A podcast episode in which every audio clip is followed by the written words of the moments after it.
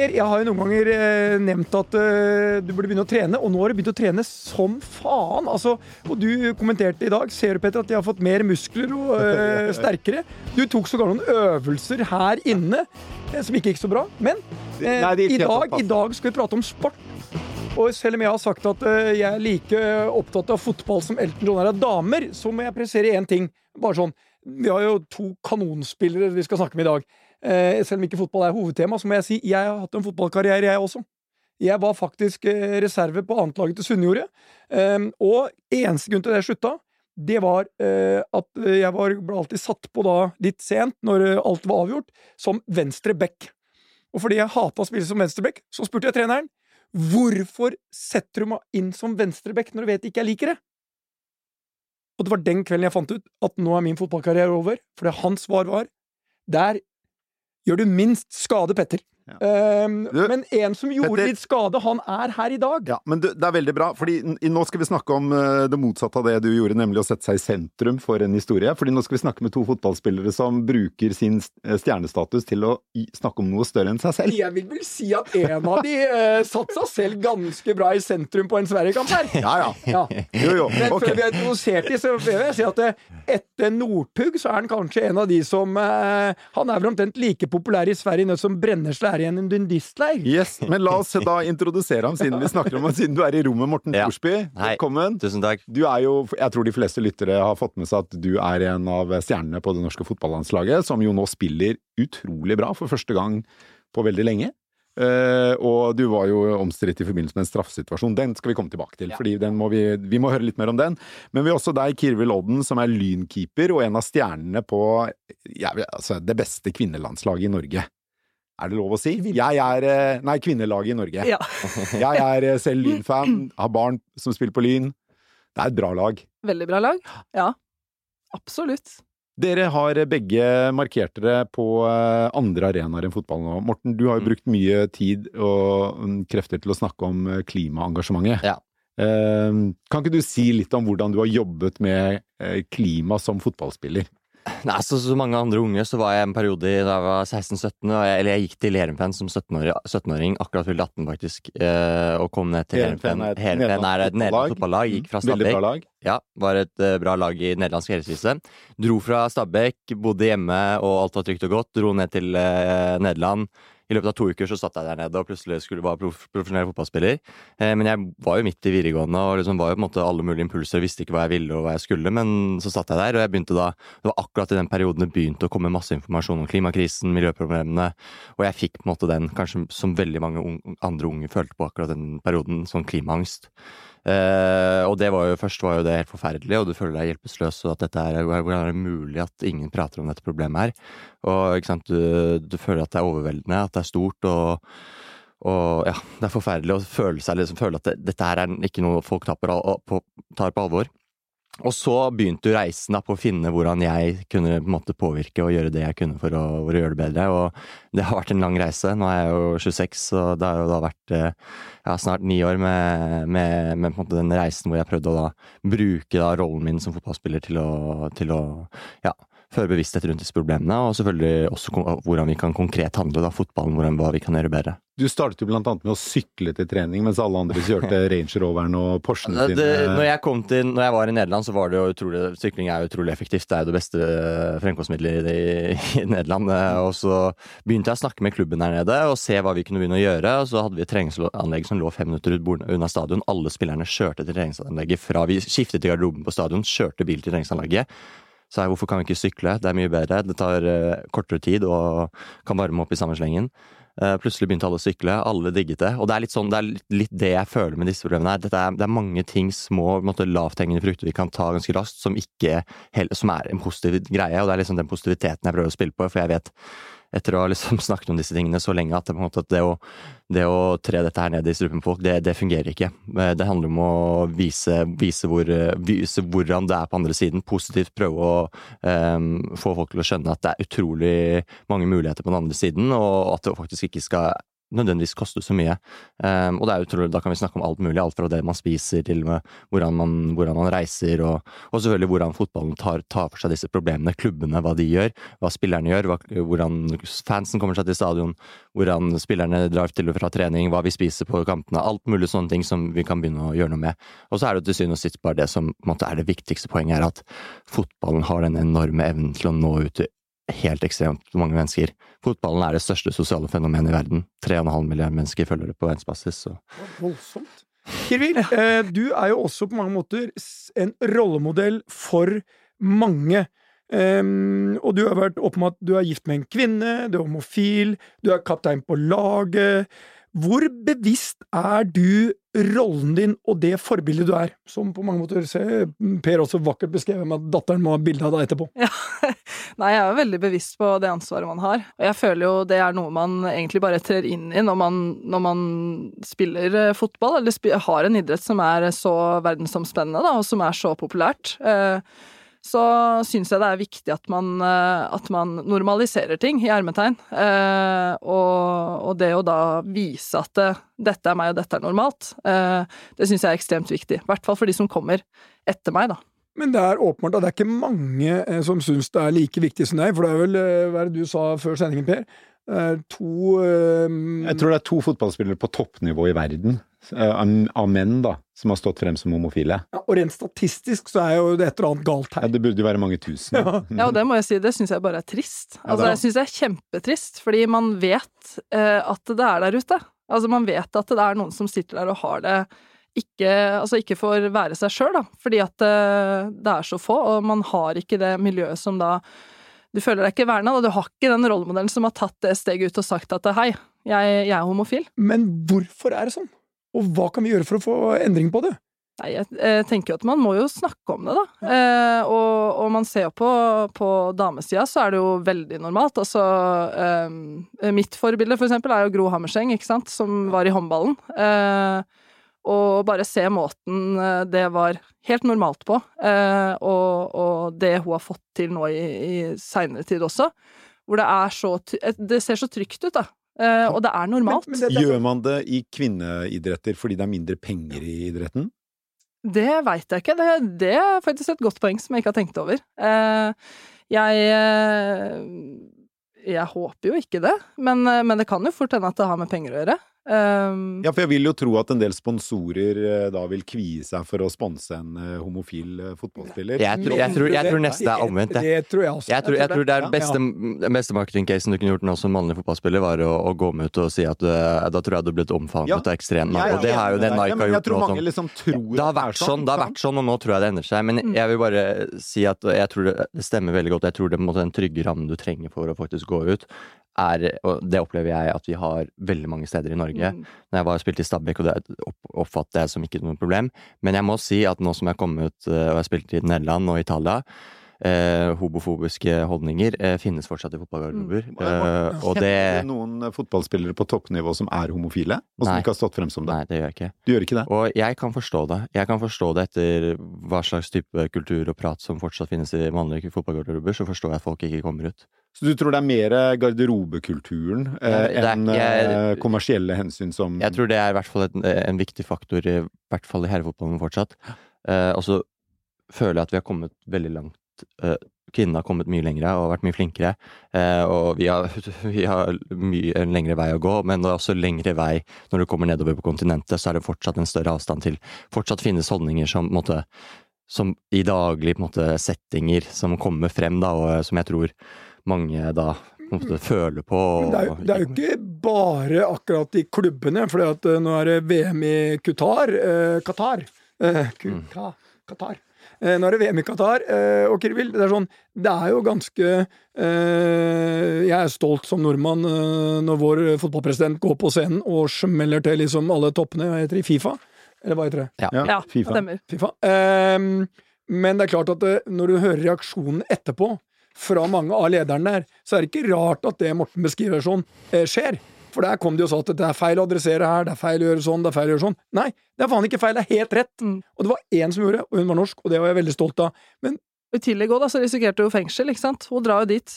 Hun er jo homofil. Hun har eh, kone. Eh, hun risikerte fengsel. Nå hadde de sikkert avtalt på forhånd, da. Men, men det at hun gjør det, det, det er et eh, statement, da. Og det er jo i andre land så, så, er det jo, så er det jo ulovlig, det jeg holder på med. Jeg kan jo ikke reise Det er noen land jeg ikke kan reise til. Uh, og utøve min kjærlighet til min utvalgte. Eller, altså, jeg er kan, er kan ikke holde i handa, ikke sant? Så, ja. Det er ikke lenger enn 50 år siden det var straffbart i Norge også, og det er enda et større paradoks. Yes. Ja. Eh, Føler dere at eh, dere som fotballspillere har et større ansvar for å engasjere dere i spørsmål som homofile rettigheter eller klima eller menneskerettigheter eller hva det enn skulle være? Vil du starte? Ja, jeg kan starte. Eh, Jeg føler at det i hvert fall er viktig også å, å vise støtte til de tingene man, som er viktige, da. Eh, Og, og så er det en, det er en syltynn linje eh, mellom at det er politisk og ikke, og om fotballen skal være politisk eller ikke. Det er jo alltid vanskelig eh, å si, men Men dette er jo Eh, ikke politikk, er det det? Det er jo mer menneskerettigheter. er Klima jo kan det. jo kanskje grense mot politikk i en del spørsmål, men om man kan være sammen med en jente om man er jente, det, det, det er jo grunnleggende menneskerettigheter. ja, ja. Jo, og det er jo det som er greia, at vi, vi vil jo veldig gjerne vise at dette er noe vi kan stå for sjøl, da. Eh, og så er man jo et lag, og så må man sammen da diskutere hva er det vi har lyst til å hva er det vi har lyst til å vise, da? Hva er det vi har lyst til å være en rollemodell for, og vise at uh, dette syns vi er greit, eller dette syns vi ikke er greit. Um, så jeg, jeg tenker at det er viktig når man har en sånn arena. Men, men en ting jeg er bare interessert i, hva er det som er med idrettsutøvere som gjør at liksom, de får en helt egen plass i hjertene våre? Det er enormt med emosjoner når de vinner, og uansett Northug i Falun, Bjørgen Det er liksom enorm liksom, sånn. Men om uh, Kjell Inge Røkke lanserer et nytt selskap, det er liksom ikke samme sug i det. Hva er det som gjør det? Jeg tror det er akkurat de emosjonene, de følelsene du akkurat beskriver der, som gjør at eh, idretten, og kanskje særlig fotballen, da, som er ekstremt med emosjoner, ekstremt mye følelser, eh, så at det på en måte det, er et, det, det fører til at også det blir så det, det blir jo nesten det er en religion, ikke sant, og det er det jeg prøver å si. Fotball er verdens største religion. Det er verdens største religion. Og det er fire milliarder mennesker. Det, ikke, altså det knuser kristendommen, det knuser alt. Det er en religion. Gå og se på, Du kan dra overalt i verden, og du finner en fotballbane. Og du finner mennesker overalt i verden. er- E-gaming er også ganske stort, vi skal ikke ta den diskusjonen her, Nei. men, uh, Men altså, det, det kan ikke, altså, alle andre idretter kan du si at dette her fotball har blitt en, et sosialt fenomen, og det er det som har blitt helt Og er det derfor Zlatan uh, skrev at Gud er tilbake, uh, når han kom tilbake på landslaget? Ja, det er jo derfor, og det er derfor Maradona er gud i Napoli, og det er derfor eh, du har Fortsatt? Ja, ja, ja, det er bare å gå til Napoli, og det finnes Maradona-statuer rundt alle eh, Jomfru Maria-statuer. Vi må alle. tilbake, men siden, nei, vi må bare ta én ting. Vi skal ta en ting.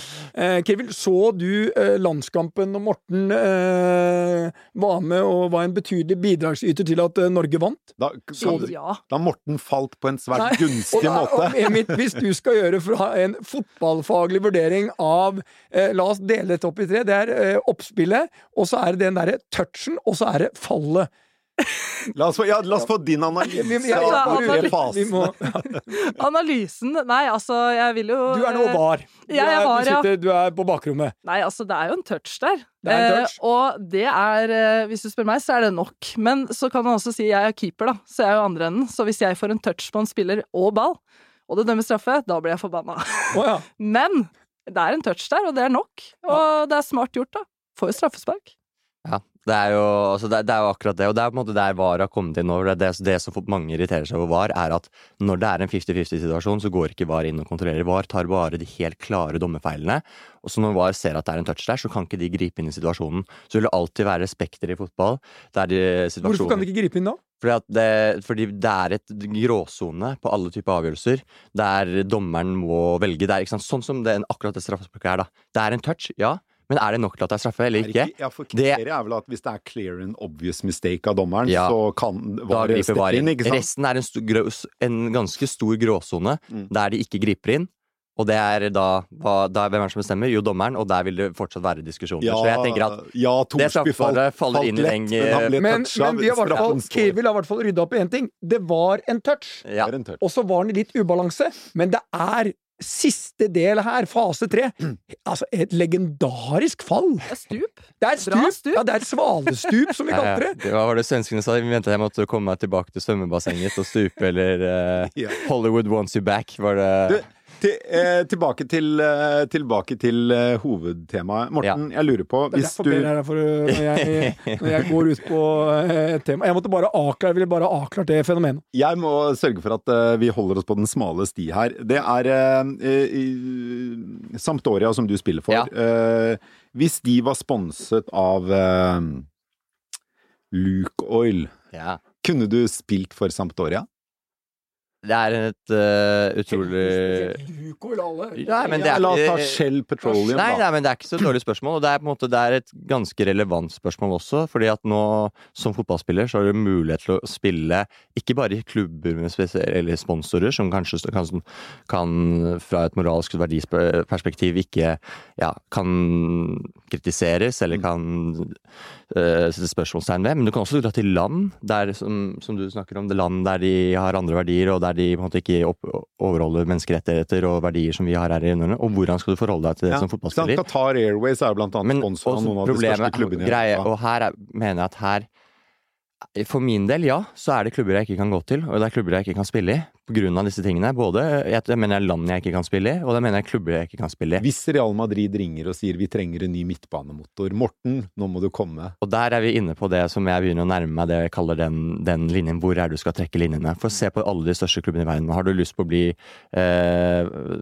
som selvfølgelig alle unge fotballspillere har lyst på å nå så langt du vil, så må du gå til de største klubbene. og de jeg, vet ikke, jeg vet ikke prosenten, men hvor mange av de største klubbene i verden nå er eid av eh, selskaper fra Midtøsten der de ikke overholder Eller der de som vi snakket om, ikke overholder menneskerettighetene, ikke om, som er eid av eh, oljeselskaper. Alle disse tingene. Og det er, det er ikke lett å sette en linje på hvor, eller hvor den grensen går, Mm. men jeg mener det går en grense et eller annet sted. Og jeg- jeg har sagt jeg må vurdere det i hvert sitt case, hvor, i, ja, de, hvordan det, hvilke type klubber kommer, og så må jeg vurdere det. Og det er noen klubber jeg ikke kan gå til. Real Madrid med Qatar Airways.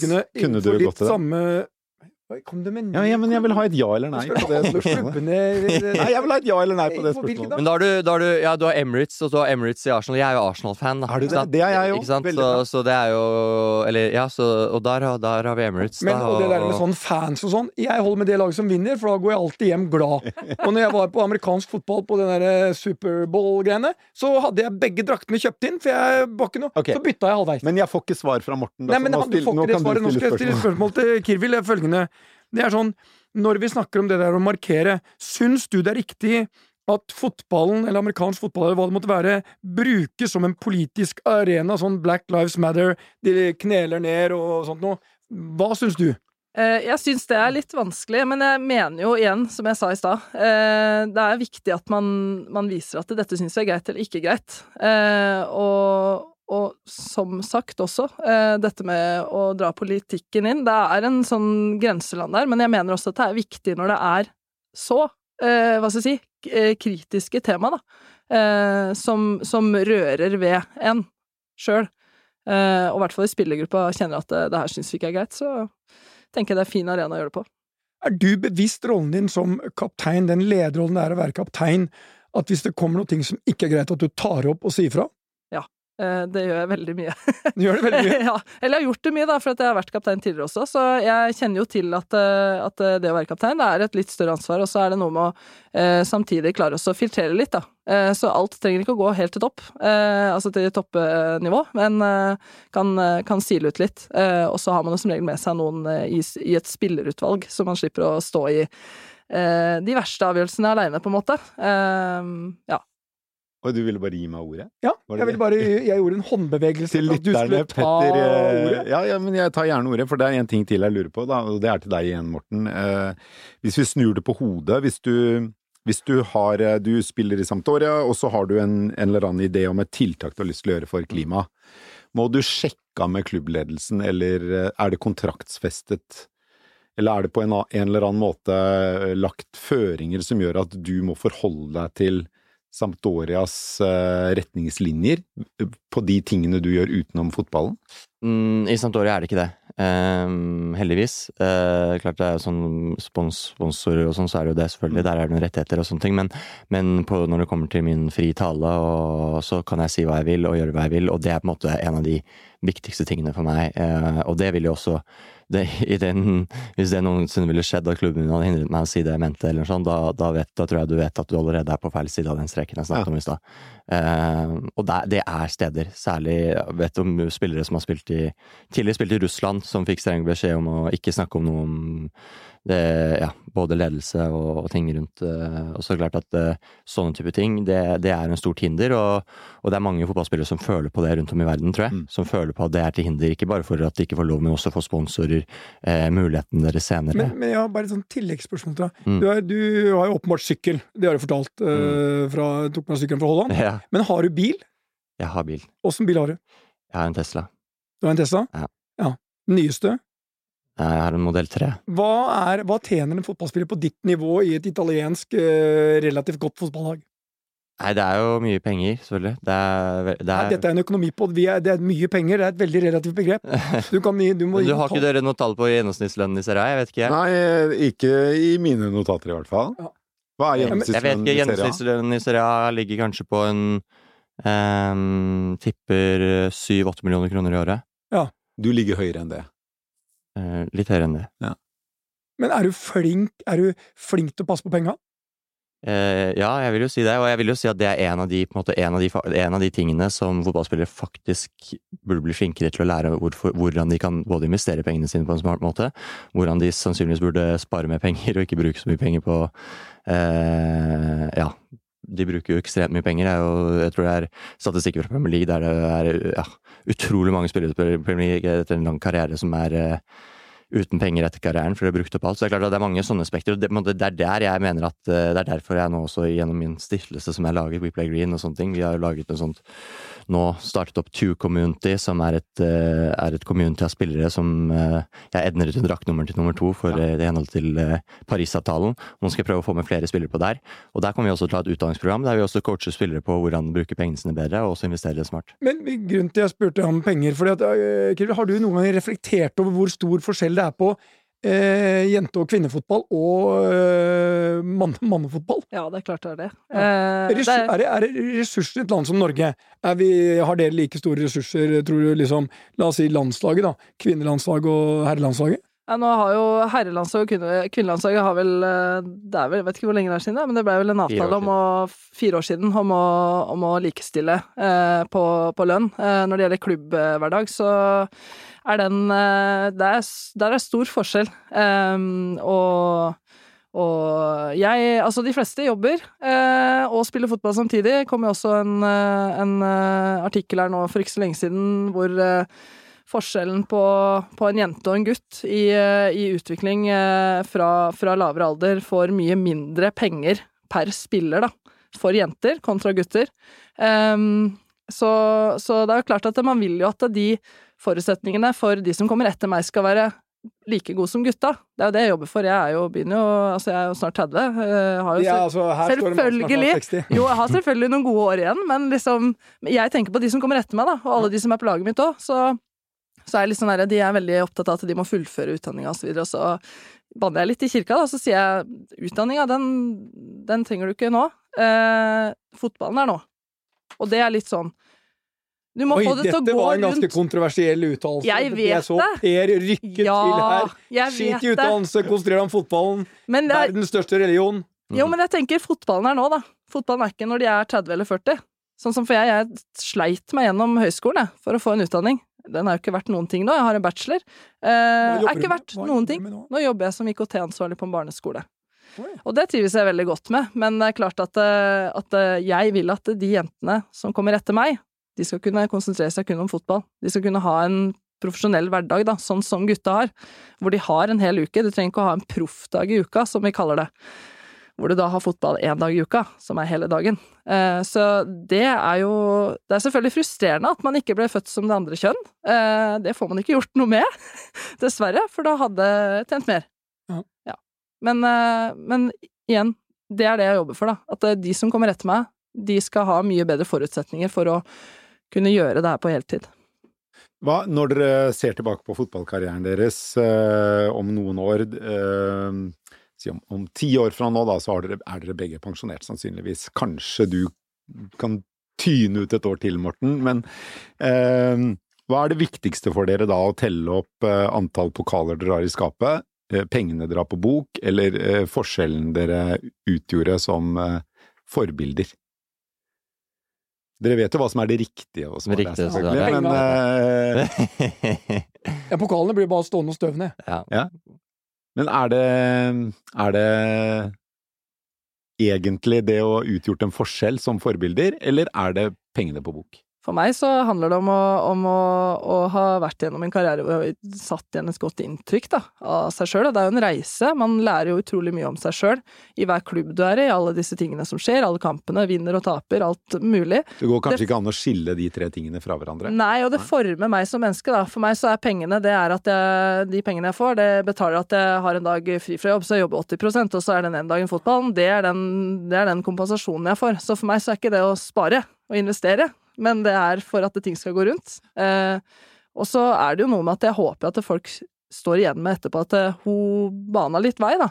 Det er jo det, man har lyst til det, man har lyst til at noen tenker at eh, ja, men Kirvil, hun, hun fikk jo kone og barn, det var ikke noe problem.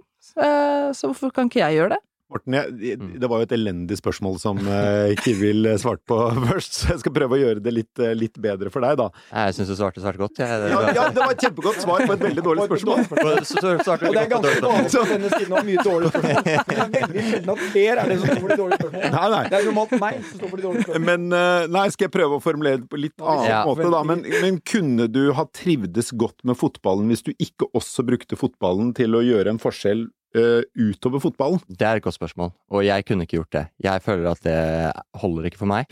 Uh, og det var på en måte den Jeg hadde en, jeg hadde en Når jeg var nesten 20, så vurderte jeg å stoppe å spille. Jeg var en, tenkte at det her er ikke verdt det. Jeg vil gjøre noe mer meningsfullt. Uh, dette er et egoistisk og selvsentrert prosjekt, selvfølgelig. Og nå er det Vi har så utrolig mange problemer vi skal løse i den verden. Jeg har lyst på å være med og, og bidra til å løse noen av de problemene. Eh, men med samråd med familie og venner så, så kommer vi frem til at det aller beste jeg kan gjøre, er å bli så god som mulig i fotball. Og selvfølgelig bruke den stemmen jeg får Så fatter'n snakke. må pressa på litt. Fattern pressa på, og Ja. han hadde rett. Og, Altså, Fatter'n sitter på utsida nå og Ja. følger med og noterer og rister på huet og nikker og ja, ja, så han har som regel Men rett. er vet. De alltid en gamle har meter, er alltid en meter unna? Nei, men ikke så mye mer. Det er jo alltid Ja. Han er aldri, aldri veldig langt unna. Er han også et korrektiv til det? At, ja, altså, hvis du gjør noe, eller eh, når du spiller Er det sånn at han går inn og analyserer og sånn? Han er jo selvfølgelig som fedre flest, at de har en mening om det meste. Ja, og ofte feil. Eh, og ofte feil. Ja. Men derfor har vi vært eh, smarte og har noen, jeg har noen egne personlige trenere som hjelper meg med den biten. Ja. Så, så han får mene hva han vil, og så har jeg litt ekspertise på siden.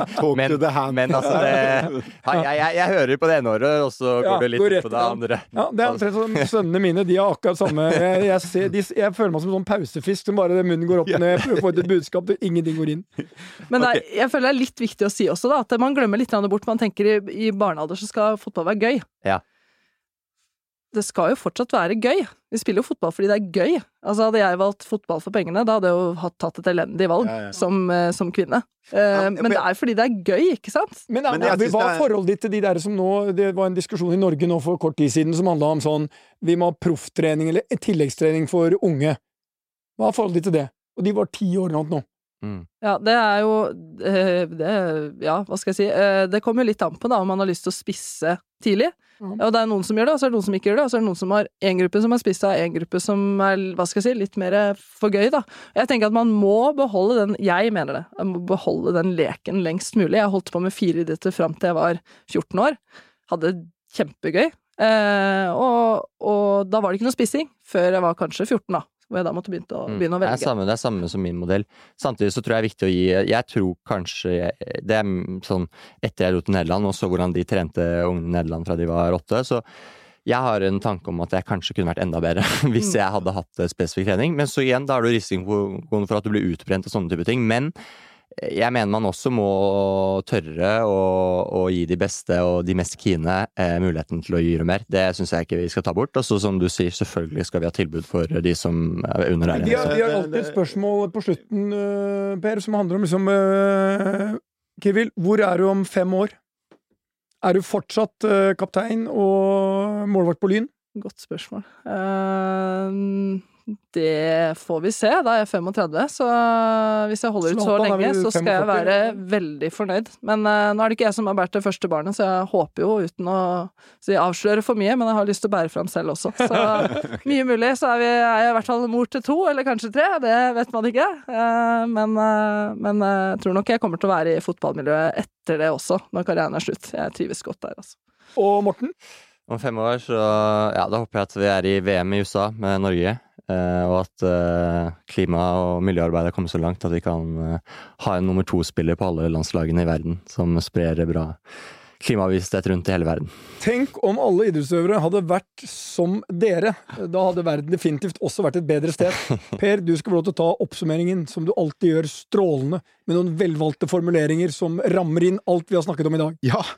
Nei, jeg vet ikke. Det, det, det, som, eh, det som slår meg Du var jo inne på det med dette med liksom, spissingen av uh, idrett eh, tidlig og sånn, og jeg tror liksom, det er noe med i, Når du er veldig ung, og når du er i tenårene, så kan du jo være helt monoman på én ting. Og så tror jeg jo til det du var inne på med å, brenne ut, da. Mm. Så ville jeg tro Nå er jo jeg veldig langt fra å kunne være profesjonell fotballspiller, eller noensinne har vært det, men jeg vil jo tro at det å fylle den eh, brennende interessen for fotball med noe mer enn bare å fylle kontoen sin eller, eller sparke en ball, noe mer meningsfylt, er med på å gjøre deg til en bedre fotballspiller òg, fordi du klarer å fylle den fotballaktiviteten med mer mening enn bare det å sparke ball og tjene penger. Sånn, sånn at det står seg over tid. Det tror jeg ville Så må du huske på at også det er utrolig mange spillere som jeg spiller med i Italia, som den eneste utdanningen de har, er gjennom fotballen. Ja. De, går, de har ikke vanlig skolegang. Så Den de- skolegangen deres har gått gjennom akademier. Afrikanske spillere som går på afrikanske akademier ut gjennom hele oppveksten. Det er klart at det er der deres, de får sin utdanning. Mm. Det er klart at der må jo også, selvfølgelig, det, er, det ligger jo enorme muligheter i det, også til at vi også må bedre å hjelpe dem og utdanne dem gjennom fotballen. For fotballen er jo en karriere, det er en industri som, som har Å tåle den overgangen, da, Ja. når du er 32 år og du blir pensjonist. Ja. Liksom, hva skal du fylle livet med da? Hvis du, det eneste du har fylt det med er å sparke ball, så må det jo føles ganske, ganske fattig. Men jeg, altså, han kunne gjort seg bra i hotellbransjen også. Han har der genuine, positive greiene fra han kom inn. Far hans også. Han i resepsjon. Det hadde vært perfekt. Ja, Smilte som en lerke når han kom inn her, da. Og Kirvil på IKT-avdelingen. Ja. Da er Det er vi- fint. Cybersecurity Ja. trenger ganske mye. Altså. Og da går vi videre i programmet. Morten Thorsby og Kirvil Odden, tusen takk for at dere kom i studio. takk for at vi kom. Veldig bra.